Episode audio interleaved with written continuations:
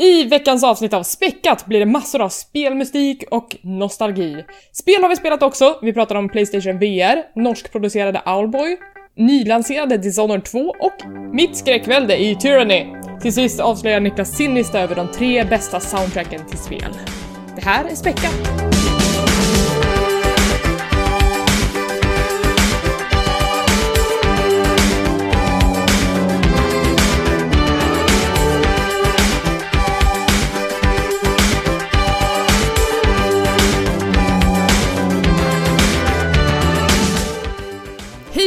Välkomna till Späckat, en podcast om spel och allt runt omkring.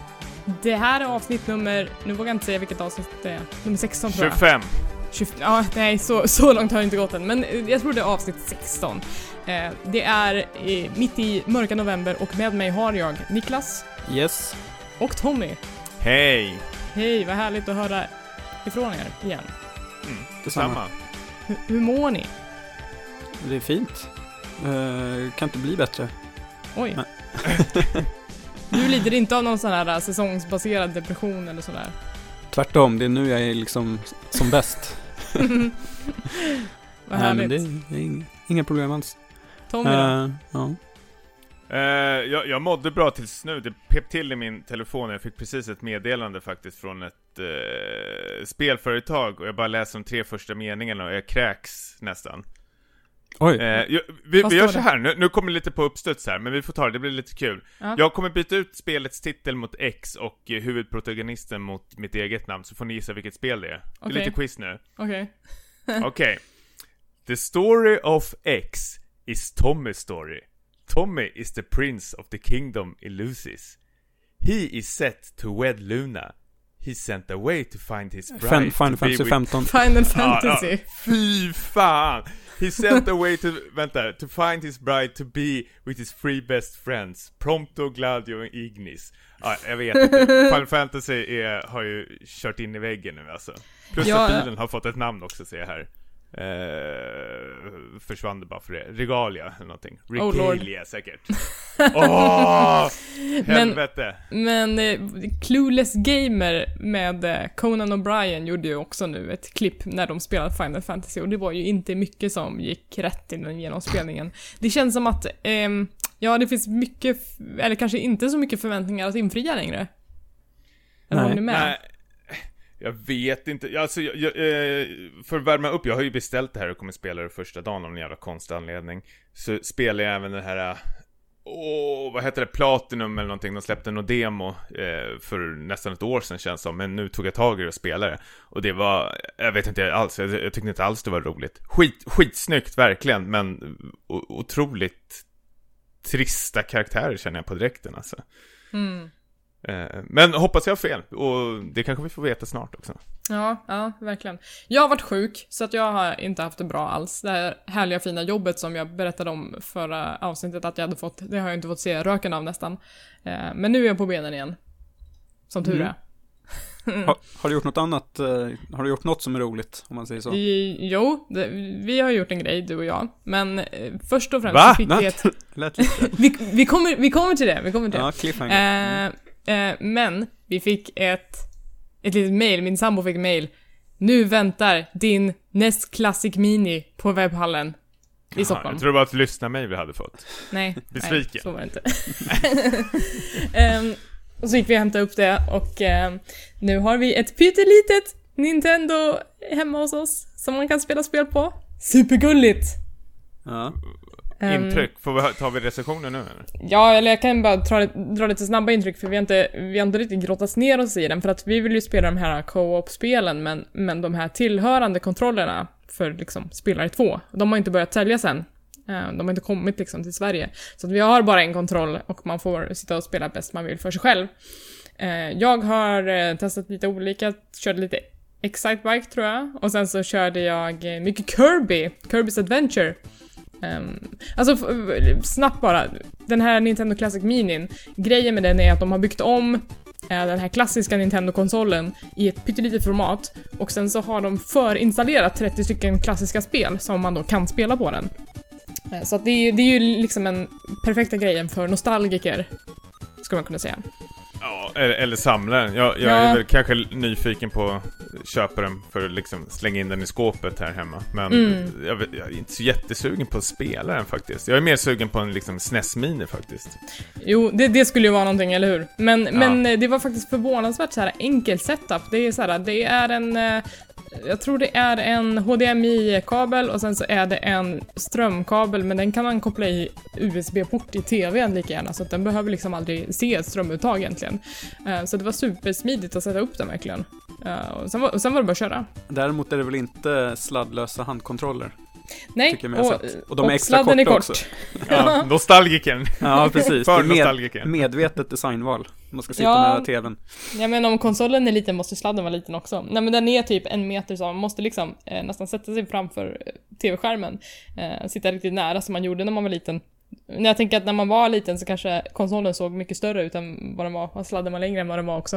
Eh, men nu har det också börjat säljas förlängningssladdar så det väntar vi också på. Ja, Eh. och 52-tums TV. Så jag vet inte, jag, jag kan inte se mig själv sitta och liksom stirra upp på den där TVn i taket nästan som jag har. Ja, men eh, jättegullig grej, men tyvärr är det ju så att den sålde ju slut direkt och i Sverige fick man inte in tillräckligt stora partier för att täcka alla förhandsbokningar så det är fortfarande folk som väntar på sina, på sina NES Classic Mini. Så att även om jag skulle vilja säga att det här är årets julklapp så går det inte att få tag på i princip. Det är ju VR-glasögon som är årets julklapp. Kommer Jag inte heller gå att få tag på. Nej, Tom har köpt upp allt. Ja, Ja, det, var, var ju, det kommer ju idag, det beskedet att det är VR-glasögonen som är årets julklapp 2016. Kul! men vad, ty- vad men- tycker du om uh, spelutbudet då till Mininesen? Det är ju 30 spel. Jag vet inte, du har väl kanske inte några direkt så nostalgi- nostalgiska band till de här spelen som... Nej, som nej jag är ju har- för, jag är för ung. Jag, Ja. eh, jag växte upp med Super Nintendo. Eh, Så att det är ju var ju konsolen som kommer efter. Men eh, alltså det är ju 30 spel, de är ganska grindiga så jag tror att man kan sänka en hel del timmar i det där. Och som sagt, jag spelade Kirby eh, och det spelet har ju förändrats förvånansvärt lite på alla år. Det är ju exakt samma spelmekanik och det kan jag verkligen uppskatta att det är ett så tidlöst koncept. Eh, Och jag fastnade framför det. Jag tycker det är fantastiskt. Mm. Kirby tror jag nog det är det som håller eh, som mest. Jag vet inte om, eh, visst man kan ju hylla de här Mario-spelen och sånt där hur mycket som helst men de känns som jag har spelat igenom tre miljoner gånger. Ja, jag är inte ett Eh. fan av Mario faktiskt. Måste jag säga. Det är som svära i Nintendo-kyrkan. Jag vet, jag vet, men jag står för det. Eh, Så det har varit nice. Och Niklas, vad har vi gjort för någonting? Eh, ja, vi har ju varit lite kulturella kan man säga. Eh, vi har kombinerat spel med klassisk musik genom att eh, gå på Defcon 1 som var den här eh, spelmusikkonserten i Philadelphia-kyrkan i Stockholm nu i helgen. Och det var ju då veteranen Orvar Säfström som arrangerade det här. Han var konferencier. Han kan ju göra den här typen av events i sömnen vid det här laget. Det är väl han som är liksom den stora spelmusikkonsertproducenten vi har här i Just det. Sverige. Han har ju ett, eh, han driver väl ett bolag som heter Underscore Productions tror jag, så det är de som står bakom det här Score till exempel som reser Mm. runt i Sverige. Just Han är väldigt duktig på att leverera surdegsbröd också till hamburgare. Oj, det här visste jag inte. Min kompis eh, lagade hamburgare mitt i natten och hade panik och, och skrev på något forum eller vad fan det var att han behövde hamburgerbröd i någon surdegsform och då tog Orvar kontakt med honom och kom över tydligen med en påse. Vilken hjälte! myt. ja, men det finns bildbevis på Facebook. Fantastiskt. Ja. Eh, Men grejen med den här konserten var ju att de för första gången inte har en vanlig symfoniorkester utan att de faktiskt har kallat in arméns musikkår som är en blåsorkester. Så det var lite annorlunda och de hade valt lite annorlunda låtar från de andra scorekonserterna som man kanske har vant sig lite vid i det här laget. Så det tyckte jag var supermaffigt. Verkligen. Precis, Orvar hade ju slängt in lite så här personliga favoriter som, eh, vad var det, typ eh, Wing Commander till exempel. Och sen Mm, något den, som, den körde han faktiskt också på Far and Away som var den här sci-fi fantasy-konserten som var bara för någon månad sedan. det Eh, viset. Så den hade vi hört innan. Ja, och så någon som hette The Neverhood, tror jag. Som var någon typ av, ja jag vet inte vad det var. Det var, Det var någon någon slags claymation-spel för Ja. länge, länge sedan. väldigt, bland, han blandade smala titlar med lite större, eh, ja, mer kända verk. Det var som Uncharted och Halo var ju några, och Final Fantasy såklart.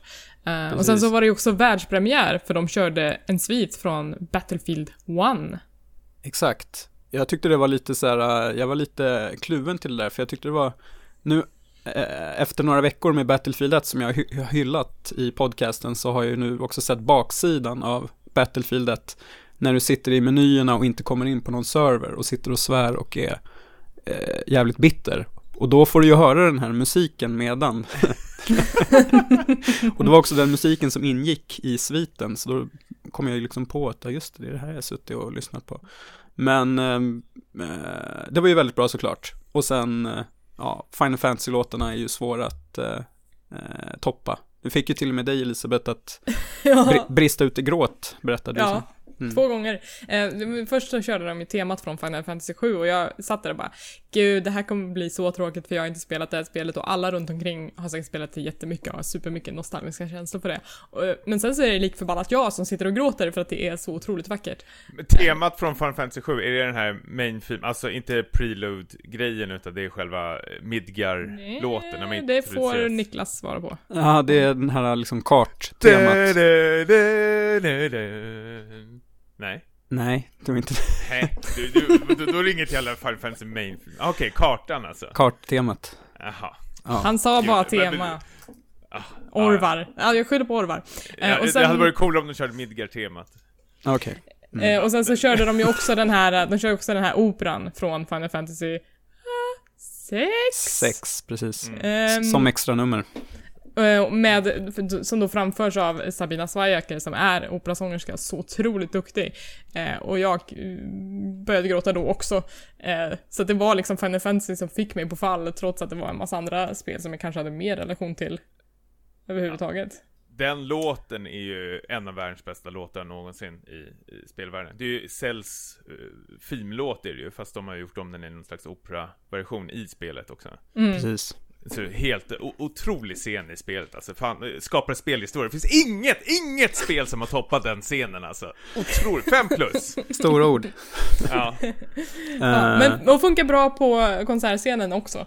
Ja. ja men verkligen, jag, jag har ju förstås aldrig upplevt det Jag är otroligt avundsjuk alltså när jag hör det här. Jag har ju sett eh, klipp på internet när Uematsu eh, dirigerar till den här låten med operasångerska. Men det är ju såklart en helt annan känsla när man är där, på plats antar jag. Så det, ja. det ja, verkligen, jag missar någonting, låter det som. Men jag måste också bara säga jättekort att Grim Fandango var ju den musiken som gjorde sig allra, allra bäst med det här gänget som spelade. Mm. Det var fantastiskt. Alltså de liksom hade konsertmästare och de hade solister på, på flera instrument som liksom fick verkligen showa loss. Och det, när det är eh, mus eh, arméns musikkår, de är lite mer spexiga än vad de här symfonikerna är på scenen. Så det var ju jätteroligt att de eh, kunde showa lite. Jag tror symfonikerna gillar inte den här musiken egentligen. Det är bara ett gig Nej. för dem. Men, jag, men vet ni vad? Jag, faktiskt, jag känner faktiskt en eh, violinist som har spelat i Score. Eh, och han tyckte att det var roligt. Han tyckte att Megaman var bäst. Mm. Mm. Ja, där ser man. Ja, Lite rappt. Woodman. um, men Tommy, vad har du gjort för någonting då? Eh, jo men jag har, jag har faktiskt konstant nästan haft något slags här öppet hus här för VR-sugna eh, personer. Allt från mina föräldrar, eh, föräldrarna tog till och med med sig djuren hit också, hundarna då med andra ord. Som fick, som Kossan fick skrika. och hästen. Ja, precis. Så, ja, de bara skrek när mamma satte på sig headset och de trodde jag höll på att attackera henne när hon satte på sig den där. Eh, och sen har det varit fullt med vänner här faktiskt som har provat det. Och det vi har kommit fram till allihopa, det är ju, är ju skräckspelen eh, och eh, flygsimulatorerna som svänger. Pappa gillar förstås de här bilspelen. Han försvann ju helt och hållet så köp det här nu. Drive Club var det han provade. Men Niklas, du var ju också på besök här och provade. Ja, precis. Jag skyndade Vi... direkt från konserten hem till Tommy då. Uh, och uh, där... Vi behöver inte prata så mycket om själva headsetet, för det kan du lyssna på eh, förra avsnittet tycker jag. Ja, exakt. Lite mer utförligt hur det funkar, utan nu blir det lite mer om spelen. Och då var det bland annat Resident Evil 7 Kitchen som vi provade. Eller du. Ja, precis. Det blev ju liksom huvudnumret i den här presentationen som du höll, kan man säga, för oss. När jag kom dit, då, liksom, då sitter det massa folk eh, i soffan eh, och eh, en stol framför tvn och Tommy som står där bredvid och säger något i stil med varsågod och sitt. Och sen är det liksom showtime. Jag är ju väldigt lättskrämd, så eh, det, det fanns ju en tanke med att jag skulle testa det här uh, Kitchen-demot framför den här publiken då. Det var som en Ja. show som jag var en del av och Tommy var regissören. Förnedrings-tv. Ja, förnedrings-VR. Jag, eh, vad, vad ska man säga om demot? Det är, det Ja, är ju det är väl mer att visa upp eh, vad VR är kapabel till, skulle jag väl säga. Och jag tror inte det här är så jätte... Eller det har väl lite med själva Resident Evil 7 att göra som det... Det är själva miljön där man kommer befinna sig under spelet. Men du provar ju ett annat demo under den här uh, Gamesconen. Då ska man ju knalla runt. Här sitter du ner på en stol och får liksom en scen framför dig. Precis. På två, tre minuter eller någonting. Och det händer ju väldigt mycket runt omkring en utan att säga för mycket för folk som vill prova det här. Ja, men vi, om vi inte ska säga eh, precis vad som händer så kan vi säga ändå att det eh, innefattar vissa jump scares och någon typ av varelse som rör sig lite i skuggorna. Och det måste jag ändå säga att det obehagligaste med det här är att du känner ju liksom eh, att du sitter i den här stolen. Det är som to- total inlevelsekänsla, för du ser ju dina ben också, som sitter där, dina händer med det här handfängslet som du har på dig. Eh, och sen så kommer det ju liksom fram eh, vid ett tillfälle en person och liksom viftar med en kniv, eh, bara liksom några centimeter framför dig. Och det var nog nästan det jag tyckte var obehagligast av allt. Och första liksom eh, reaktionen var att försöka nästan slita av mig det här VR-sättet, för jag ville bara därifrån. Så hörde jag Tommys röst bara, låt det vara på, låt det vara på. Så liksom. Så, Obehaglig, det låter nästan mer obehaglig än spelet. ja, det bidrog kan jag säga. Ja. Um, nej men lite som att man hade någon så här, uh, så här labil alkis på tunnelbanan som står liksom och viftar framför dig med, med något vasst föremål och när som helst kan personen liksom sticka ihjäl dig. Det var lite så det kändes. Jag tyckte det var väldigt, väldigt obehagligt faktiskt. Mm. Ja, det blir så eh, intensivt nästan när det så, eller det blir så på, påtagligt när det är så nära en hela tiden. Så man, jag vet inte, man sugs in i det här väldigt lätt. Men jag, jag tycker ju att, nu har jag provat VR ett, eh, en jäkla massa och det är ju de här små, fortfarande precis som jag sa när vi pratade om Vive för några avsnitt sedan, det är de här små kickarna som är bra, att, eller roliga att uppleva att man är i, i en sån där liten film eller något liknande i några minuter och så är man med om något och sen kan man ta av sig det där och så passar man den vidare till någon kompis. Eh, jag vet inte om man, eller jag skulle aldrig orka ha på mig det där liksom i fyra timmar och sträckspela någonting. Nej. Um, jag ska säga, jag spelade också Thumper som var fantastiskt häftigt att spela i VR. Uh, det, det är lite tråkigt på ett sätt att nu känns det som att jag inte kommer kunna spela det i, så att säga som vanligt utan VR. Man kan liksom inte gå tillbaka till det efter att ha testat det så här. Ja, jag Du, vill Famper- jättegärna köra det i VR. Ja, det är bara att komma över. Mm. Det, men det Famper gör ju så otroligt bra, eller det som är så skönt med Famper är att det, är- det är ju en, bara en rail shooter rytm eller vad fan man ska kalla det för. Att du, du svänger ju inte runt med huvudet och liksom ska springa runt i miljöer och sånt där, utan det är liksom ständigt den här banan du åker och ska bara trycka i rytm hela tiden, vilket gör det mycket lättare att tåla en längre sittning tror jag. Mm. Eh, Vi kan, vi kan ju säga att vi pratade om Thumper i avsnitt 14 av Späckat om man vill gå tillbaka och lyssna på det. Ja. Ja, jag måste krypa tillbaka till korset där. Jag var ju väldigt kluven till var inte så jättenöjd. Men det, det, jag är såld igen på Famper. Det, jag tycker det är helt jävla otroligt alltså. Vilken jävla, vilken jävla musik det är alltså. Ja. I det spelet. Och det, återigen med VR och de här, nu har jag köpt ett rejäl jävla hörlurar och så skruvar upp det på maxvolym och så sitter du, du liksom sugs in i det här Famper-universumet på direkten. Det är en sån otrolig jävla känsla. Wow. Så verkligen, om ni har VR så Famper är ett givet köp. Eh, sen får vi se, Resident Evil, bara för att återgå till det, du pratade också om det i förra avsnittet Niklas, att det, det är ett skräckspel och det görs väldigt bra, men det känns inte Resident Evil alls, eller? Nej, precis.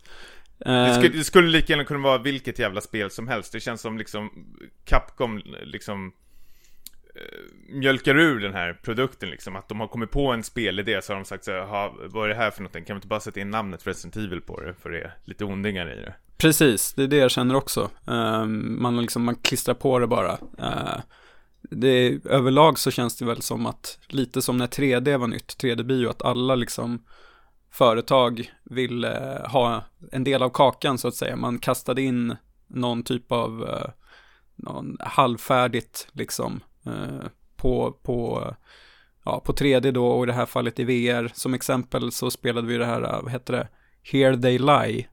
Som var otroligt, ja, segt och tråkigt att titta på. Det kändes bara som att någon hade slängt ihop en, någon typ av skräck-VR-upplevelse på en kafferast i princip. Och jag tror väl att det kommer komma ganska många så här halvdana VR-spel nu. Uh, och det är väl det som kan vara lite skadligt i längden om det är så att uh, de, liksom, de riktigt bra spelen inte dyker upp. Om man får leta, leta efter dem medan det är väldigt mycket skräp, tänker ja. jag. Jag har ju spelat igenom eh, Batman-spelet och eh, jag, jag, älskar ju eh, trilogin som eh, Rocksteady gjorde och de har ju även gjort det här spelet och det här, det är väldigt kort det här Batman VR, det är väl kanske max två timmar på sin höjd men mm -hmm. det är mhm. perfekt längd på det och precis som i Rocksteady-spelen så leker de väldigt mycket med det visuella utan att eh, spoila för mycket, särskilt mot slutet och det känns liksom som du, du hamna, har hamnat på någon jävla psyke nästan. Det är otroligt snyggt att Ja men små saker att du tittar till vänster, sen tittar du till höger och har till exempel väggen eh, rört sig mer framåt och de har bytt liksom eh, saker runt omkring en och allting. Det är otroligt snyggt och coolt. Men, och kan... men jag körde ju Batman VR på Comic Con. Mm. Och en sak som jag oroade mig för då var att jag kände mig så himla statiskt och att det kändes inte Batman för, för mig. Hur, hur var det i resten av spelet? Ja men det är... Ja, jag, jag, kan verkligen förstå vad du menar, att så är det väldigt mycket i början, att man står på sin plats och sånt där, men det är väl, det är mer liksom detective Batman i det här. Du, mm. du springer inte runt och slåss eller någonting, utan du kommer till en crime scene och så får du precis som i de eh, Rocksteady-spelen, du får allting liksom någon slags VR, eller visuell upplevelse framför dig. Hologram är det han använder, så heter det hur det här brottet har gått till. Och då kan du liksom använda dina move-kontroller och byta vinklar och spola fram och tillbaks då de här hologrammen mm. och liksom leta efter ledtrådar. Så det är otroligt eh, lattjo att hålla på och ratta okay. runt och leta efter saker. Så jag, jag tycker det var skitkul faktiskt. Så jag, jag klarar mig rätt så bra utan att stå och vifta med händerna och slå skurkar. Jag tror inte det skulle funka i längden så jättebra faktiskt. Nej. Eh, och sen tycker jag att väldigt viktigt det som Rocksteady gör här är att du kan kalibrera din Batman att du har ju ditt hölster med alla dina eh, jag, vet, fan, jag vet inte vad fan det heter för någonting. Han har en scanner och sen har han den här bumerangen ju. Då kan du, ja, och då kan du liksom kalibrera hur högt upp den ska sitta så den känns att den sitter i din midja. Som när min fru spelade och jag tog över, då satt den nästan uppe i bröstet på mig och kunde liksom så kalibrera mer. Men då känns det mer verkligt att man tar tag sakerna från sitt höfte liksom. Och det, det har jag märkt att vissa spel inte har den här kalibreringsgrejen, att det känns att du är stor eller liten eller vad de nu vill att man ska känna sig som, medan andra ah. spel har det. Och de har lagt lite tid och energi på det. Nice. Ja. Men är Batman ett, liksom ett fullprisspel eller är det bara en kortare?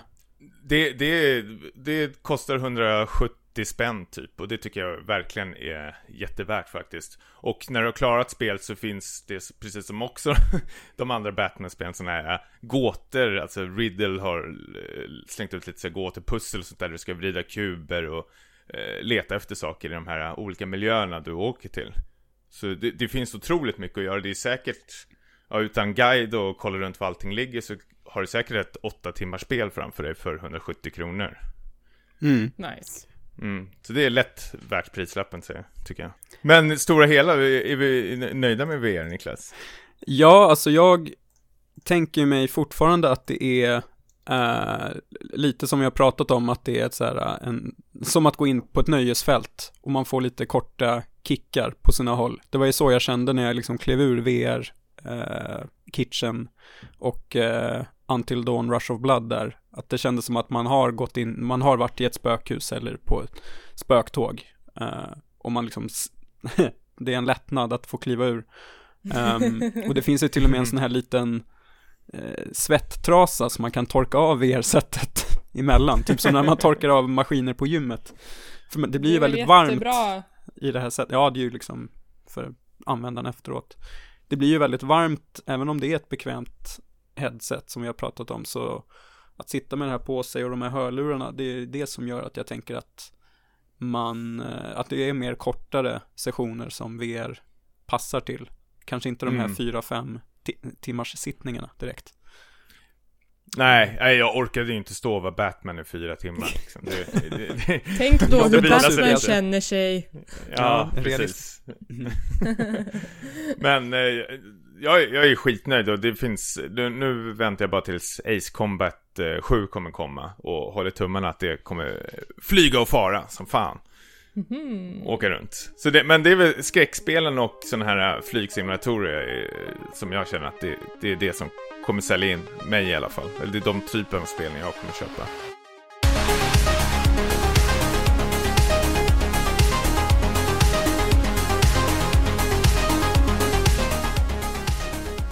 Jag har också spelat spel. Eh, jag har fortsatt med Tyranny som jag började prata om förra veckan. Mm. Vilken succé det har blivit. I, hos mig eller i världen tänkte du? Nej, i världen. Jag tycker Ja. jag har lovord överallt. Bra krityp. Ja, ja men verkligen. Ja. Det, det har legat tvåa på Steam tror jag över mest nedladdade i spel och sådär. Så det är ju jätteroligt för dem. Ehm, Ja. det, det är ju då det här rollspelet som handlar om att ondskan har vunnit i en fantasyvärld. Och först och främst, det jag uppskattar med den här fantasyvärlden är att den för en gångs skull inte utspelar sig i någon slags eh, parallell medeltid, utan det går ännu längre tillbaka till tiden. eh, nämligen när bronsåldern går över till järnåldern. Eh, så det tycker jag är en superintressant grej, att man vågar skifta lite på, ja, men på settingen i ett fantasyspel. Eh, sen så har det också varit lite kontrovers för att det har börjat komma in liksom så här arga Steam-recensioner på eh, snubbar som bara det här är ett social justice warrior-spel. Va? Vad menas med det? Det är så mycket representation att jag blir förbannad. Det må vara fantasy, men nu har det gått för långt. Det är för realistiskt. Ja.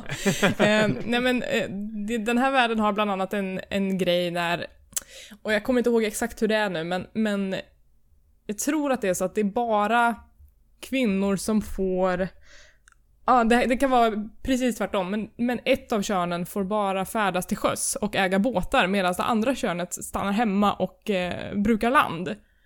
Eh, och jag tror att det är kvinnorna som är ute medan männen stannar hemma. Och det är ju liksom en sån här vända på steken-grej. Eh, och sen så, som den här ehm, recensenten skrev, speciellt den som någon hade skärmdumpat var att eh, alltså kvinnorna i det här spelet, de är ju antingen eh, hårda krigare eller lesbiska eller både och. Man bara, sweet! Win, Ehm, win, så win. Ja men så att det, det är ganska, alltså man tänker ju verkligen på representationen i det här spelet och, och hu, hur man skriver fantasy. För att det är många fantasyförfattare som bara, nej men så här var på medeltiden, man ska våldta kvinnor och eh, männen ska vara kungar liksom. Mm. Suck. men, men då är det ju inte fantasy, då försöker man ju ändå förmedla någon slags eh, dokumentär verklighet med drakar. Eh, ja, så det, så det är liksom, det är nice. Eh, storyn är nice, tycker jag. Ehm, det, Hur det, länge har du alltså, spelat nu? Hur många timmar? Typ? Tio tror jag. Det här är väl ett spel som man kan lägga ner ganska mycket tid på? Ja, och det finns mycket replayability i det för att um, som jag sa förra veckan så finns det ju liksom två olika fraktioner som man kan välja att uh, liksom ta ställning lite till uh, vilka man ska liksom om, om hur, vilka man ska slåss vid sidan av i den här eh, övertagandet av världen som man är i. Och eh, sen så har jag liksom kikat lite på achievements och reddits och sådär och det visar sig att det finns en miljard sätt man kan gå tillväga på. Det finns flera olika slut och vid flera tillfällen så får man också chansen att säga till båda två fraktionerna bara “fuck you, jag gör det här på egen hand” och då har man liksom en helt ny storyline bara där. Ehm, så Men spelar du ge- genom ond hela tiden? Alltså, jag har inte riktigt förstått det. Är det att man bara går runt och slaktar folk, oskyldiga människor eller? Nej, alltså det här spelet handlar ju nästan lite mer om byråkrati. Att, äh, att äh, våran chef, Kairos, är ju ond. Det är ju ondskans härskare liksom. Och Mm. eh, hen har tagit över världen på liksom tveksamma sätt. Och jag är ju någon slags Judge Dredd då, åt Kairos. En förlängd arm i lagens Okej, namn. ja. Som går runt och löser dispyter, ser till att arméerna sköter sig och att eh, Kairos vilja mm, går igenom på slagfältet. Eh, All hail Tengil. Ja, men lite så. Eh, så, att, så att det blir liksom att man, man går ju ondskans eh, bud i spelet, men, men det är inte super man, man gör inte superonda grejer men det är ju en väldigt, väldigt karg och, och dyster verklighet när man pratar med karaktärer i det här spelet. Men för det mesta så är det liksom att man bara ska försöka medla mellan eh, de två olika fraktionerna när de hamnar i bråk med varandra. Eller ta någons parti och bara fucka den andra. Eh, det får man ju välja lite själv. Jag försökte ju vara diplomatisk men sen inser jag ju nu att vad jag än gör så kan inte alla bli glada så då måste man eh, bestämma sig för vem man ska gynna. Mm. Eh, och nu har jag, igår så fick jag liksom en, en liten uppenbarelse att jag, bara, jag, jag kom på mig själv med att sitta och ladda om min sparfil flera gånger för att jag försökte ha ihjäl ett spädbarn som inte gick att döda. och jag Vad är det som bara, vad, vad, vad är det jag håller på med egentligen? eh, för då var det liksom att eh, eh, Kairos utfärdar olika påbud över världen som, som är, vad ska man säga, det är olika eh, hot. Det är lite som eh, ja men typ som Guds syndaflod, att det kommer eh, liksom ett, en, ett regn som varar i 40 dagar och 40 nätter och sen så är det kört. Eh, men i Kairos fall så är det lite olika grejer och det finns alltid en klausul som säger att när det här uppfylls, då avslutas det här påbudet. Ett, eh, en del av landet har drabbats av en storm som bara aldrig slutar, det går inte att gå liksom på, i det här landet för att det blåser så otroligt mycket. Eh, och den här stormen kommer bara avta när den sista eh, ättlingen i en viss familj dör. Eh, och då så drar vi till liksom kungen, eh, som vi tror är den sista ättlingen i den här tronföljden, eh, och har ihjäl honom. Men sen visar det sig att det finns ett barn också. och, jag vill ju avsluta det här påbudet så himla mycket så att jag bara Hur dödar man barnet? Mos, Moses i vassen. Ja, men lite så. Eh, sen visade det sig att mm, på grund av de valen jag har gjort innan så verkar det inte vara möjligt att döda barnet, så att jag hade gjort det där förgäves. Eh, och jag är ju uppenbarligen en hemsk människa också, som har svepts med i det här ondskefulla spelet. men, Intressant jag att du har påverkats. Du är ju så snäll i vanliga fall, tänker jag. Ja, det vet du inget om. Nej. Nej men eh, jag tycker jättemycket om Tyranny. Eh, Det är fortfarande jättemycket läsa men nu när jag har varit sjuk så har det verkligen varit eh, gött att kunna sätta sig med någonting som eh, man bara kan ta några timmar och bara läsa lite. Sen göra lite hårda val. Nyfiken fråga, är det bara val man gör och Nej, man läsa, slåss också. Eller, man slåss också, man Ja. har level eller? Ja, det finns levels, man- det finns companions eh, Okej, det, ja. som är av olika fraktioner. Eh, så att det är klart att det blir slagsmål. Eh, och de har ett ganska intressant eh, spellsystem. Som jag, eh, det innebär att du bygger dina egna spells. Du hittar olika scrolls med olika sigill på som, som utgör då eh, kärnan och eh, nyansen i, i en, en trollformel. Så att du kan liksom hitta de här olika sigillerna och kombinera dem precis hur de vill för att få till precis den trollformel du vill använda i, sla, i slagfältet. Så det är ganska häftigt. Mm. Ehm, och sen så finns det också eh, sådana här lojalitetsskalor med dina följeslagare som du kan ha med dig. Eh, så att när du pratar med dem, då kommer, och liksom beroende på vilka val du gör, så kommer ju de tycka olika saker om dig. Um, och nu är det inte som i Mass Effect eller Fallout att det, är, att det är från god till ond, utan det finns två olika skalor. Um, när det kommer till följeslagarna så är det eh, loyalty, det vill säga lojalitet, och fear, det vill säga hur rädda de är för dig. Så att det har liksom inte riktigt med bra eller dåligt att göra, utan man kan vara lojal men man kan också vara, vara rädd för, för personen man följer. Eh, och i alla fall, när, man, när de här mätarna når en viss punkt så låser man upp eh, komboförmågor som du, din karaktär kan göra tillsammans med den här följeslagaren. Ehm, så då blir, liksom, blir det så här supergrejer.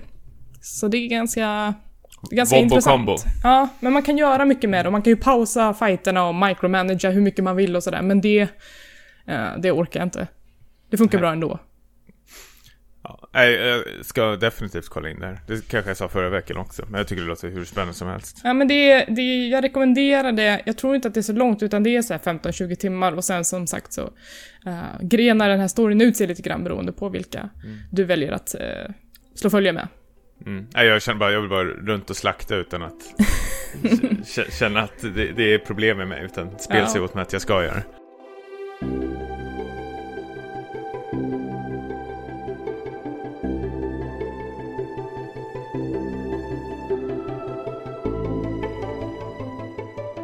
Niklas, du har spelat Owlboy.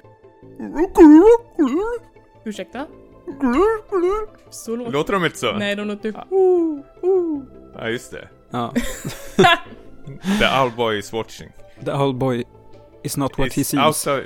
Nej, ah, uff, gud. Ja. Ingen kan... Vad ja. är det här för spel, Niklas? Ja, jag tänkte först bara eh, nämna att eh, det var lite roligt för vi eh, streamade ju Among the Sleep Eh, på skräckafton för några veckor sedan och eh, började diskutera, diskutera då kring det här med norska spelstudios, om det fanns några sådana överhuvudtaget. Eh, och det visade sig att det finns ett i alla fall som heter D-Pad Studios, som då är de som har gjort Owlboy. Och värt att notera är ju att det här spelet började utvecklas redan för nio år sedan. Och sen har lite olika skäl så har man liksom, eh, det här har dragit ut oerhört långt då på tiden.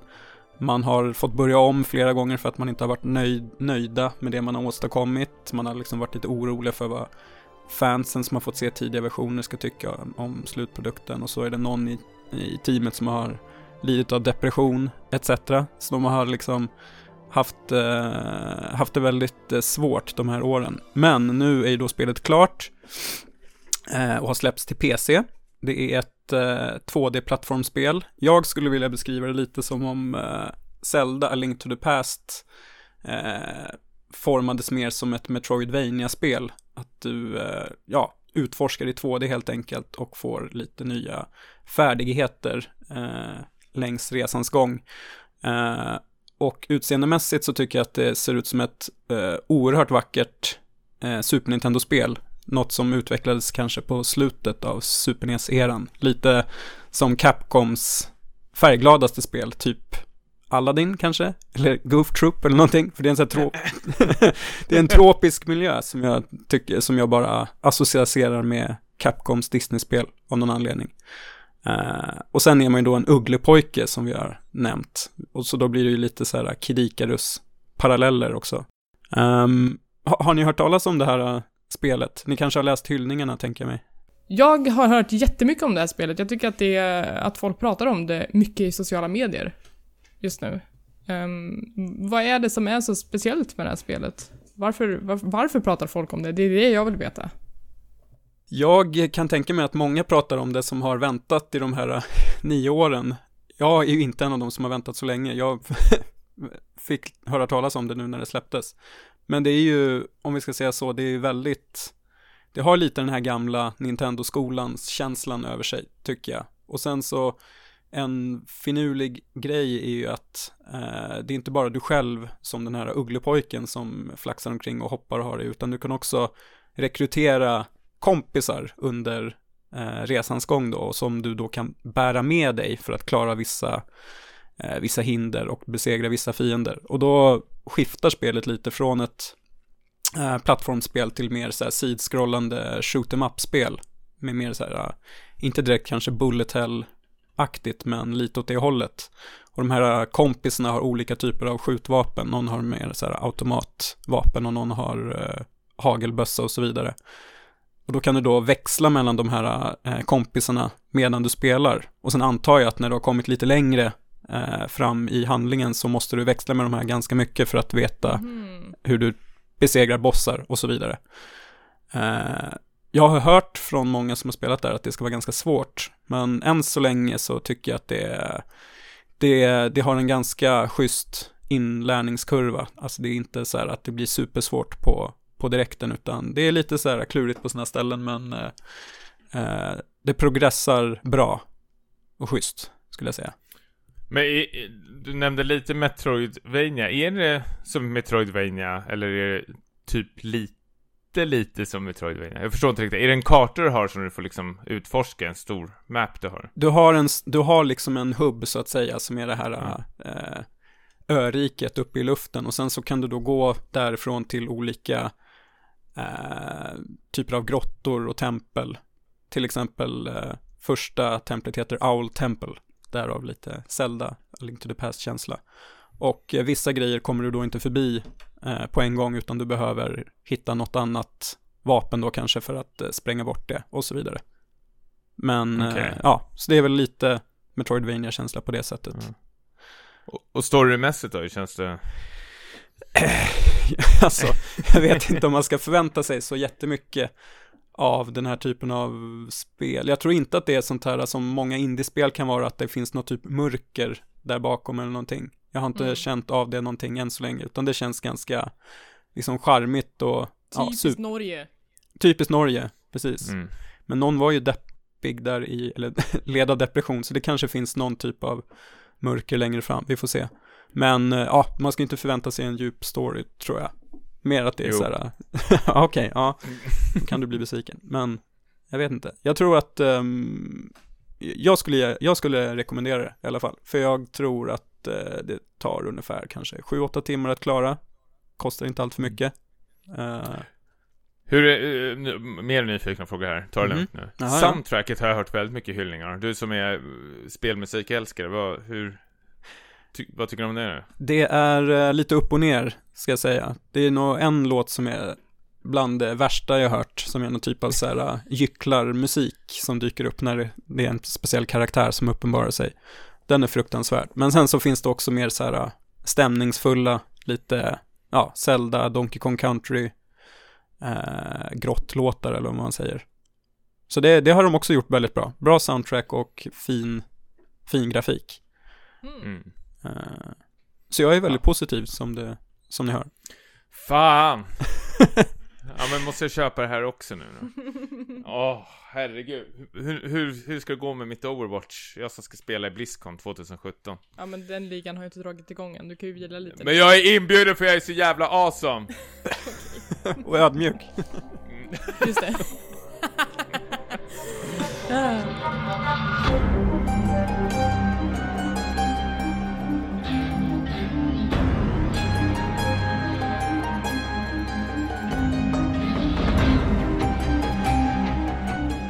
Jag har ett, spel, ett till spel. Det blir väl det sista spelet vi pratar om lite, eh, lite mer om idag. Eh, Nämligen Dishonored 2! Som har släppts efter mycket väntan. Wow. Ja, men jag har längtat jättemycket efter Dishonored. Jaha, okej. I fyra Ehm, år va? Det var väl så jag har inte väntat som- i fyra år. Jag körde i Dishonored 1 bara för något år sedan, så att jag har inte lidit lika länge som ursprungsfansen. Mm. Ehm, Persona 5-fansen. jag, ja, de. Ni har ju fått en till försening. Grattis. Ja, tack. Hamnar i owlboy-depression nu. Åh nej. Ehm, nej men jag spelade Dishonored för något år sedan på rekommendation av en kompis och jag tyckte att det var jätte, jättetrevligt. Jag gillar ju att stealtha. Eh, jag gillar den här lite... Jag ska inte säga att det är steampunk för att det är inte ånga som är den huvudsakliga drivkraften i Dishonored-världen utan det är valolja. Säger man då valoljepunk? Nej, jag vet inte. Eh, Whale oil. whale punk. Whale Whale punk. punk oil. Eh, Tommy, visst har du också spelat Dishonored? Ja, jag har faktiskt laddat ner den här Definitive Edition där du får hela skiten till och med Mhm. på Playstation 4. Så jag har ju en, en upphottad version fick jag spela av det till med. Alla DLC också tror jag va? Ja, precis. Mm. Därför definitiva versionen. Okej. Och, eh, ja, jag vet inte riktigt vad, jag ska tycka om det här. Jag känner väl lite, jag, jag kom på att det, det här är en genre faktiskt som jag inte alls tycker om. Eh, Att den, den här ska jag eh, i framtiden bara med hålla mig undan nästan känns som. Oj, Jag var okej. min, ja men det är någonting med eh, FPS och eh, smygarelement. Jag känner mig så otroligt eh, eh, orättvist behandlad tänkte jag säga. Men, men, men det, det känns som jag inte har kontroll över läget när man inte kan se liksom i periferin eller någonting. Att du, du blir upptäckt på såna jävla billiga sätt så jag blir så jävla irriterad. Eh, Men visst var, du, visst var du också Ja. lite sval till Deus Ex? Ja, och eh, Alien eh, Isolation. Mm. Så ni har ju själva, det, det är liksom det, alla de tre spelen är ju typiskt sådana här spel. Jag gillar eh, smygsimulator, men jag måste nog ha det i tredje person. Jag älskar ju de gamla Metal Solid-spelen och då är det ju här att du kan vrida och vända på kameravinkeln och, och planera dina moves. Men det känns som att när jag hoppar in i bakom en buske eller sätter mig i ett skåp och bara trycker, då, jag har ingen aning om vad som händer där utanför. Och visst, Mm. jag kan förstå att det finns en spänning i det, men om jag liksom tittar ut och blir straffad för det av min nyfikenhet, jag, jag känner att det bara blir, eh, det känns otroligt orättvist då faktiskt. Eh, och det är väl lite det, det, för mig i alla fall, Dishonored hade problemet att jag, jag fattade inte vad, för jag fick inga, vad jag kommer ihåg i alla fall, några indikationer att här, om du hukar dig här så syns du inte. Nej. Utan jag får bara liksom en silhuett nere i hörnet att nu, nu sitter din gubbe ner och då är jag såhär, jaha, syns jag eller? Alltså, för, för du spelar ju ändå på spelskaparnas spelregler. Och när man inte vet dem och känner till dem och liksom var gränsen går någonstans, vart man kan bli sedd och inte bli sedd, då, då känner jag att jag ger upp väldigt snabbt Mm. faktiskt. Ja men jag förstår Eh, det, jag förstår det verkligen. Då, då slutade det med att jag bara sprang runt och slaktade folk och jag kände såhär, så här ska de inte spela spelet antar jag. Jo, fast, fast det, är, det är ju precis det som är charmen med Dishonored. Om vi ska dra lite kort vad Dishonored är, ehm, så är det precis som titeln antyder. Det handlar om en person som har blivit vanärad. I första spelet så handlar det om Corvo Atano som är någon slags eh, spymaster för kejsarinnan i kungariket. Eh, och när kejsarinnan blir lönnmördad så tror man att det är Corvo som har gjort det och han måste då eh, ge sig av från eh, från, vad ska man säga, slottet för att eh, hitta personerna som är ansvariga bakom det här och upprätta sitt eget namn igen. Det är en konspiration är det ju emot. Ja, ja, absolut. Det är det. Eh, och eh, då kan man ta sig an de här eh, uppdragen som han utsätts för på lite olika sätt. Och då får man liksom väl göra valet om man ska vara lethal eller non-lethal. Det vill säga att om man ska döda folk eller om man kan försöka ta sig fram eller lösa problemet på ett annat sätt. Ehm, så att, att gå in med guns blazing är ju absolut ett tillvägagångssätt i de här spelen. Eh, Men Men, men då Det- känner jag att du inte utnyttjar spelets liksom fulla kompetens, alltså det du Nej. vill att du, du ska göra. För om du tittar på alla dina eh, abilities du får, nu pratar jag om första spelet, jag har ingen Ja, koll på ja. andra spelet alls, men om du tittar på alla dina abilities du får så är ju allting någonting med sny, eh, eh, grejer att göra hela tiden. Mm, Så spelet vill ju att du ska gå mer åt det hållet. Sen är det, alltså om jag börjar irritera mig på det här, då börjar jag irritera mig på så små saker. Du har någon slags mekaniskt hjärta i handen som du kan se liksom sådana här viktiga saker runt omkring som du måste plocka upp för att liksom levela upp dina abilities. Och då blir jag också så här, må, jag måste liksom ta fram det där vapnet hela tiden för att kunna se saker runt omkring mig. Jag blir så irriterad. Jag vill bara att det ska vara en knapptryck ifrån hela, hela tiden. Men istället måste jag dra i det där jävla hjulet eh, och hålla på och välja det. Ja men just det. Man kan sätta dem där på, på kortkommando i tvåan vet jag i alla fall. Men, men Det, allt- det, förlåt, förlåt, förlåt, men det, det kan man göra på ettan också. Jaha. jag känner kortkommandon vill ju ha dina vapen och dina andra abilities som du använder oftare Mm. liksom. Och det, det känns, ja, det är lite det här kanske att spela på konsol också, att du bara har liksom fyra stycken kortkommandon. Ja just det, för att annars kan du kanske sätta dem på siffrorna på tangentbordet. Precis. Um, alltså allt det här som du pratar om, de, de problemen finns kvar i tvåan skulle jag säga. Mm. Ehm, för det här spelet försöker alltid få den, den, vad ska jag, den smygarvägen eller så här den, den sättet när man inte dödar någon på, den vägen är alltid mer lockande och mer belönande. Um, och liksom du får inget för egentligen att, att döda någon på kartan. Det blir bara svårare för att um, ju, mer, ju, ju mer kroppar du lämnar efter dig ehm, desto mer jävligt kommer det bli i nästa bana. För då kommer det bli fler i första spelet och möss. Eh, I andra spelet så kommer det andra, andra grejer. Eh, Så att det är verkligen, du blir ju verkligen bara belönad om du går eh, stealth-vägen. Mm. Och så, Det är ju roligare att köra stealth och liksom Ja. smyga upp bakom folk. Jag tycker det är skitkul eh, att göra det. Men, Så- men i tvåan då, eh, då, det tar ju vid 15 år efter att ettan slutar. Eh, den här eh, eh, prinsessan som också har blivit bortrövad i ettan, det glömde jag säga, men hon blir ju bortrövad. Hon har växt upp, är nu kejsarinna över kungariket. Spelet börjar med att hon ska till det här slottet och hon ska, alltså det heter inte kungariket, det måste heta kejsardöme om man är kejsarinna. Skitsamma. Det, det börjar på årsdagen av din mammas död då hon blev lönnmördad i det första spelet. Eh, då ska man gå liksom pay respects, fast man behöver inte trycka på någon knapp för att paya sina respects.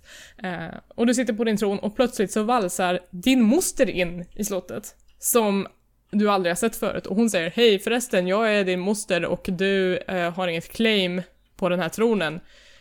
Förresten så tror jag att du ligger bakom ett antal mord som har skett i stan för att det råkar vara dina meningsmotståndare som har dött. Grip henne. Mhm. Eh, och man bara, Till konspiration. precis. Eh, och, och här kan jag tycka att det, redan här så visas det hur papperstunn den här storyn är för att det är så här, det är ingen som ifrågasätter att den här helt okända damen kommer in och bara hej förresten jag är kejsarinna, utan det är bara så här, ja ja, då är jag gripen. eh, och sen så ska man då leta reda på en rad personer som eh, som då ligger bakom den här konspirationen emot dig och din far. För du kan välja i början av spelet om du vill spela som Corvo igen eller om du vill spela som Emily Caldwin. Um, men jag tror att de allra flesta väljer Emily i alla fall i sin första genomspelning för att det är liksom hennes story. Um, ja, vad, vad är han då? För du spelar väl som Emily antar jag? Ja, precis. Vad, vad är korven? Den man inte väljer blir förstenad av mostern, för hon kan magiska krafter. Aha. Ja, så Kanske den... därför de inte vågar säga emot henne. ja, precis. Hon har lite för mycket auktoritet där när hon ja. förvandlar folk till sten. Ja. Um, vad ska jag säga om Dishonored då? Du låter besviken. Jag är besviken på storyn. Den... Eh, första Dishonored hade lite problem med att man hade lite dålig representation av kvinnor. De flesta var liksom eh, tjänare eller prostituerade. Det har man löst nu. Man har jättemycket bra kvinnliga karaktärer. De är starka, alla är inte vita eh, och liksom har mycket agens. Men problemet är att de tar plats i en så himla tunn story som jag verkligen inte bryr mig om. Alla de här personerna som jag ska leta rätt på och eventuellt döda eller försöka neutralisera på något annat sätt. Jag vet inte vilka de är och jag vet inte varför jag är där. Uh, och som sagt, hela den här mostergrejen, jag bara alltså va? Det, det känns väldigt uh, väldigt tunt alltihopa. Men om man ser förbi hela storyn, vilket egentligen är en ganska stor del, så är det fortfarande ett jätteroligt spel. Gillar man att smyga runt i Dishonored 1, då kommer man älska att smyga runt i Dishonored 2. Ehm, det är fantastiska miljöer, man är inte längre lika mycket i det här Eh, mörka, sunkiga Dunwall som man var i det första spelet, utan man åker ner till sydligare breddgrader och besöker staden Karnaka, eh, som är mycket mer färgstark och bjuder på lite andra hot och svårigheter än vad man hade där hemma. Eh, så det är först och främst otroligt vackert. Ehm, sen finns det vissa uppdrag som har nya mekaniker som är superspännande. Eh, I ett, eh, I ett avsnitt så ska man, då är man i ett hus och man får en, en timepiece. Jag vet inte vad det kan heta på svenska men den här timepiecen kan man fälla upp och då kan man se genom glasskärvor in i en annan tidslinje för tre år sedan tror jag det är. Och eh, sen kan man då hoppa fram och tillbaka i tiden mellan de här två parallella tidslinjerna som går. Fast egentligen är det det förflutna. Ja, ni vet, time travel. Eh, så då kan man liksom, eh, man går runt i det här huset, man ser en dörr som är låst, eh, man kommer inte igenom den, men om man går tillbaka i tiden så är den dörren öppen och man kan helt plötsligt gå igenom den. Men då kanske det står en vakt på andra sidan och då kanske man måste hoppa tillbaka eh, till framtiden för då finns det ingen vakt där. Men då liksom finns det andra svårigheter. Så att man måste navigera sig genom det där huset genom två olika tids, tidsperioder och det är superspännande tycker jag. Låter svårt. Ja, det är det där jag hatar med tidsresespel när man ska på påverka saker. Majora's Mask och sånt där har jag mardrömmar ifrån. Ja, fan, men det har jag med. Uh, men det är ju bara en av banorna. Uh, sen i andra banor så är det liksom andra grejer som gäller. Men är det en, eh, liksom en linjär huvudstory eller är ja. det sidouppdrag också som du kan gå runt och ta? Utan... Nej. Nej. Okay. Det är som i första spelet att du kan hitta de här uh, prylarna som du kan uppgradera dina förmågor med. Uh, och de kan det kräva ganska mycket av dig för att du ska kunna ta dig till dem. Det kan vara jäkligt svårt och mycket svårare än i första spelet att, att hitta de här grejerna. Vilket gör att det blir ibland lite långtråkigt. Att det är lite för mycket och lite för svårt i de här banorna. Men det är en Men... linjär story. Men vadå, inga sidouppdrag alls? Inget sånt där? För jag var ju med i första spelet att man liksom, det tyckte jag var rätt så kul, att man kunde gå in i någon lägenhet så står det någon person där, Åh, jag behöver lite hjälp. Så bara, fuck off! Fast man jo, typ på någon annan, men ja. Alltså, du, du, du ser ju sådär olika stories um, hända i den, i den här staden. Det är ju klart att man gör. Om man kan prata med folk och sådär, men det är inte så här. förresten kan du hämta den här grejen åt mig? Riktigt så är det väl inte? Nej, nej, men jag fick något uppdrag i första spelet där det var någon som vart... Eh, vad är det? Småtjuvar försöker ta sig in eller någonting och så uh, avrättar jag dem och så fick mm. jag några jävla grejer vad det var. Att det jo, verkligen alltså det, små uppdrag som händer runt omkring. Små, pyttesmå ja. encounters är det ju. Mm. Uh, att det är, det är såhär, man kommer till en affär och, och uh, sen kommer det en gängledare som är superelak mot den här affärsföreståndaren och då kan man liksom försöka ta bort honom på något sätt och så. Men det är inte riktigt sidouppdrag på det sättet utan det är så här, om du råkar snubbla över det så är det väldigt uppskattat och välkommet. Ja, så det, men det, jag tycker att de gör ett väldigt, väldigt bra jobb i att bygga upp en värld för att de här konversationerna och alla de här lapparna man ramlar över, eh, de är verkligen, verkligen bra på att sätta tonen i för hur den här världen fungerar och hur den är. Alltså man får en väldig känsla eh, för eh, Karnaka som stad och, och Dishonored som universum. Uh, och det är synd att huvudstoryn inte är lika välskriven som alla så här, små händelser och, och historier som händer runt omkring. Du har spelat det här till Playstation 4, eller hur? Ja. Hur flyter du på där? För jag har hört att det ska vara väldigt dåligt optimerat Just till PC och att folk sitter och väntar på patchar liksom för att det Just ska det. flyta överhuvudtaget. Hur är det till Ehm, PS4? Mm, PS4 funkar jättebra. Det är vissa frame drops, det vill säga att det, det kan hacka till lite grann ibland eh, i vissa cutscenes. Och det är ju väl tråkigt, men det är ju inte ospelbart så som jag har hört att det är på PC. Så det var ju en tråkig lansering för PC-användarna verkligen. Och det var tur att jag valde att köpa det till PS4 för att annars hade jag nog kört det på PC också.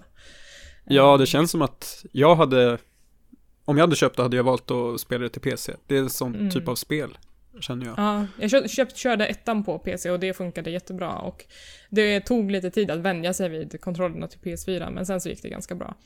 Um, det har tagit ganska lång tid för mig att ta mig igenom det här spelet för att jag valde att gå en, eh, den stealthiga vägen och jag ville också försöka få ett gäng achievements på vägen.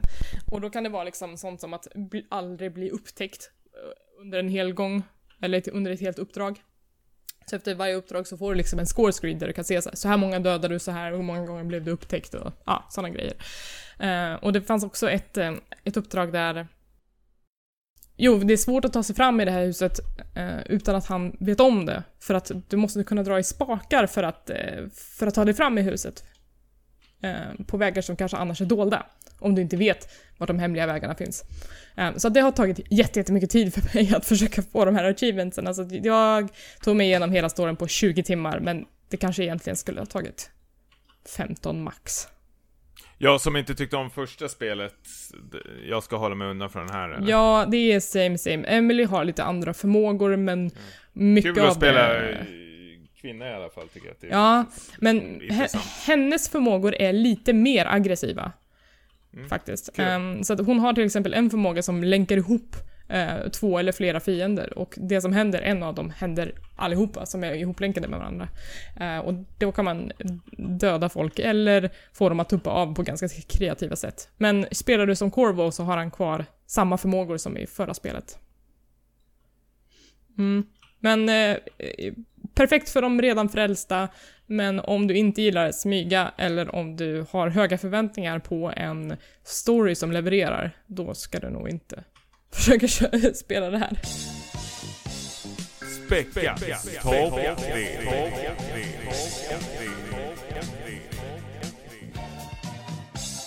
Yes, eh, jag blev ju så inspirerad av den här eh, spelmusikkonserten vi var på.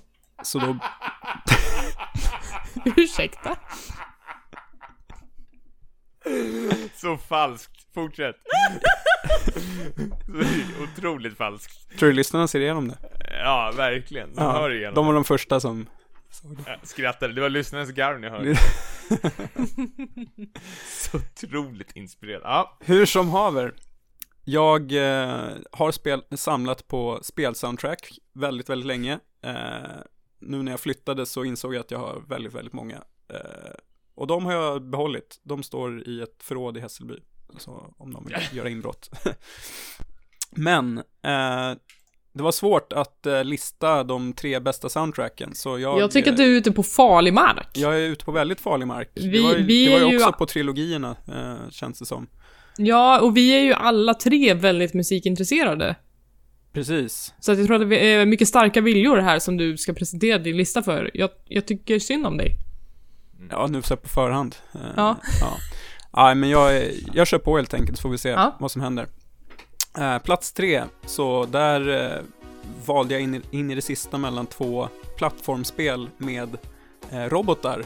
Och i slutändan så valde jag bort Mega Man 2 till förmån för Turrican 2. Som Mm. jag inte vet om ni har hört talas om. Inte alls. yes. Tommy har, det är då från sent 80, nej, nej 91 är det ifrån. Det är det tyska företaget Rainbow Arts som ligger bakom det här spelet som kom till. Då föddes jag. Ja, precis. till tonerna av det här soundtracket. Ja, Commodore 64 och Amiga bland annat har det släppts till.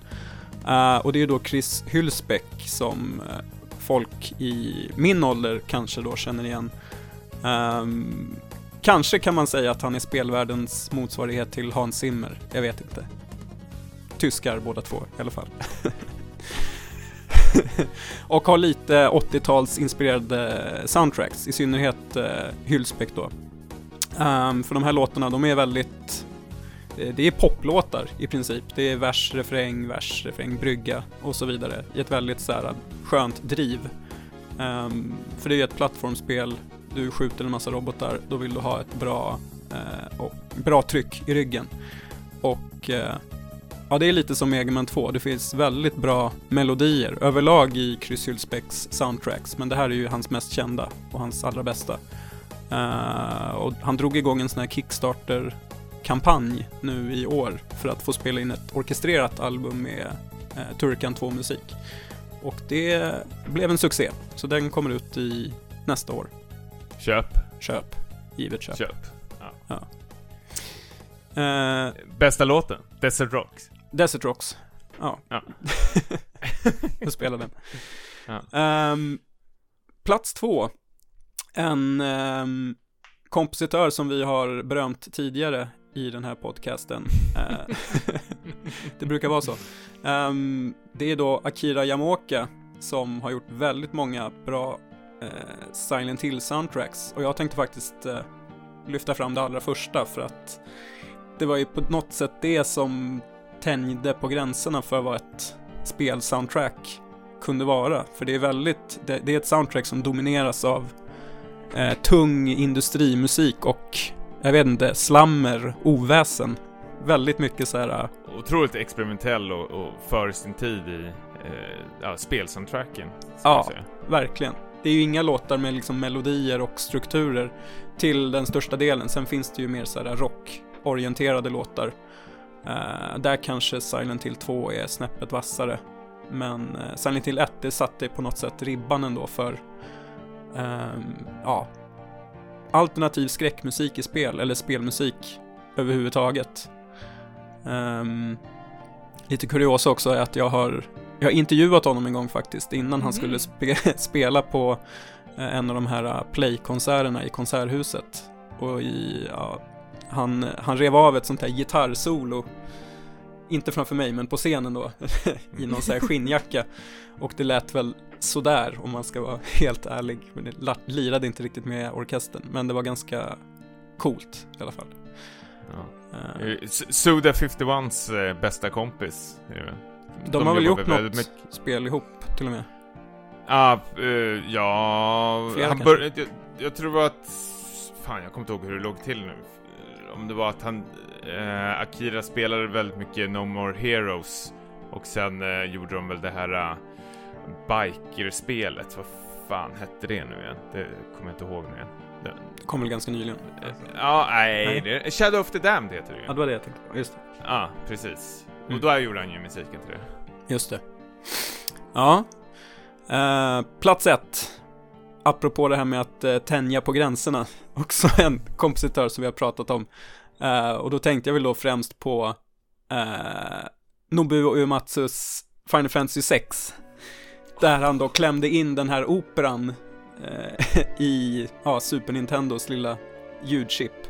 Då tog han väl på något sätt priset för att liksom ja, sätta en ny standard för spelsoundtracks. Um, det finns ju otroligt mycket spännande i det här eh, soundtracket till det här Super Nintendo-spelet. Bland annat eh, sista bossen-låten, eh, Dancing Mad då. Kafka har vi, pratade vi om för, förra avsnittet. Det är ju i princip en så här eh, prog-rockopera på typ 17 minuter med liksom massa olika eh, akter då efter de här boss eh, transformeringarna så ändrar ju också musiken. Och han var ju väldigt, han är ju väldigt inspirerad av typ 70-tals prog-rock. Och det tänkte inte jag på när jag liksom eh, hörde de här soundtracken när jag var eh, lite yngre. Och sen så får man ju höra liksom då facit sen då när man hör farsans, eh, farsan börjar gorma om några Emerson Lake and Palmer skivor eller vad det nu är för någonting. Att det, han har ju tagit allt därifrån och så vidare. Uh, ja, ja, Särskilt på uh, Final Fantasy 6 Battlefield kan man ju höra Precis. tidigare toner och sånt också. Ja, men precis. Överlag i hans kampmusik och bossmusik och sånt. Uh, väldigt många sådana inspirationer. Och jag tycker att hans Playstation-era var, alltså Nobu och Ematsus, den var ju fantastisk. Men uh, känns som att han ansträngde sig ännu mer. Han tvingades göra det liksom på Super Nintendo-tiden. Och det kulminerade väl med Final Fantasy 6 tycker jag. Ja, jag, jag älskar ju Final Fantasy 6 soundtrack. Det är ju världens bästa eh, soundtrack. Särskilt också nu när de släpper de här eh, Piano Collection. är ju helt eh, underbart på eh, sexan också. Precis, och det har också kommit en, jag tror det är en opera-inspirerad eh, platta med liksom arrangerade låtar. Så det har ju kommit mm. många versioner av just det här soundtracket. Så jag tror väl att de flesta ändå håller med om att det är hans liksom magnum opus. Eller? Elisabeth? Nej men ni vet, jag och Final Fantasy vi, vi ses inte så ofta, men jag kan ju uppskatta Uematsu som tidigare sagt här i podden. I samband med den här konserten. Mm. Uematsu är den bästa. Uh. Final Fantasy 6, Final Fantasy 9 soundtracket också. L lite, lite gladare, inte lika vemodigt kanske, men jag har, eh, otroligt bra. Jag har respekt för den mannen. Ja. Oerhörd. Men har vi respekt för Niklas lista då? Jag ser ett stort fel i den här listan. Inget Donkey Kong Country 2. Nej, inget Undertale. Mhm. Mm men jag tänker så här att eftersom vi har så starka viljor så kanske, kanske jag och Tommy får återkomma med egna listor. Är det så? På, på spelsoundtrack. För, för jag eh, kan ändå tänka mig att flippa Niklas lista trots att jag inte har spelat ett enda av de här spelen. Men jag liksom, eh, jag googlade nu och smyglyssnade lite och, och det lät ju liksom bra.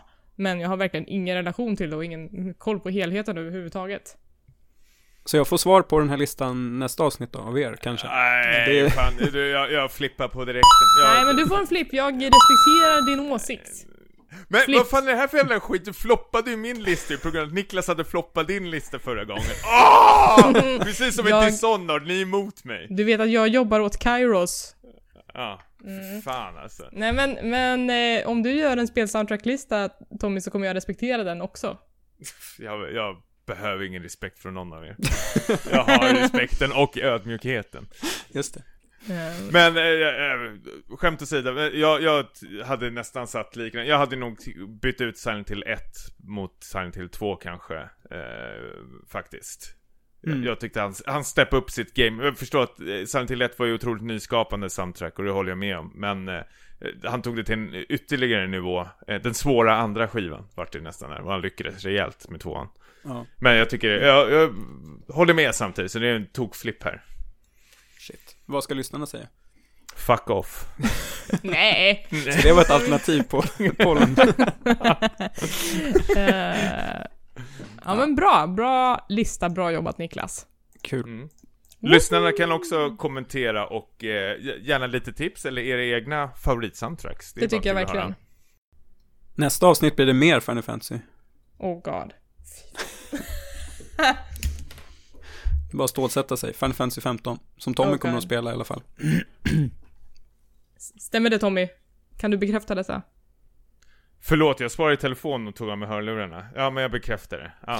För alltså så här ligger det till. Jag har en lillebror och hans kompisar som är utanför dörren, de ska spela VR. Vi har skjutit upp det för länge. Okay, okay, nu okay. kör vi! Nu kör vi! Nästa vecka blir det Final Fantasy 15, jag ska kanske spela Pokémon Sun and Moon eller Planet Coaster och Niklas ska resa bort. Så att vi kanske får en rapport därifrån.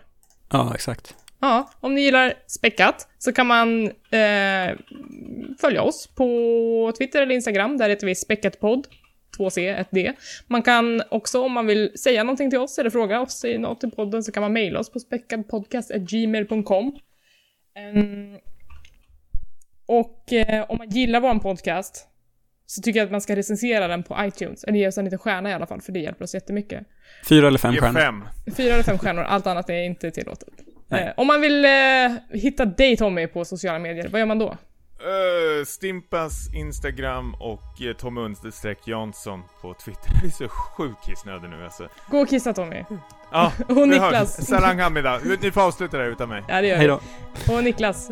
Eh, mig hittar man på Instagram, OneLessNiklas och eh, Twitter Niklas Lundqvist, där jag inte kommer lägga upp någonting närmast tiden, för jag ska till Kuba. Där finns det inget internet. Oj, är det så långt bort? Så pass är det. Eh, och Mm. jag finns på Twitter, där heter jag HangryEli och på Instagram, där heter jag HangrySpice.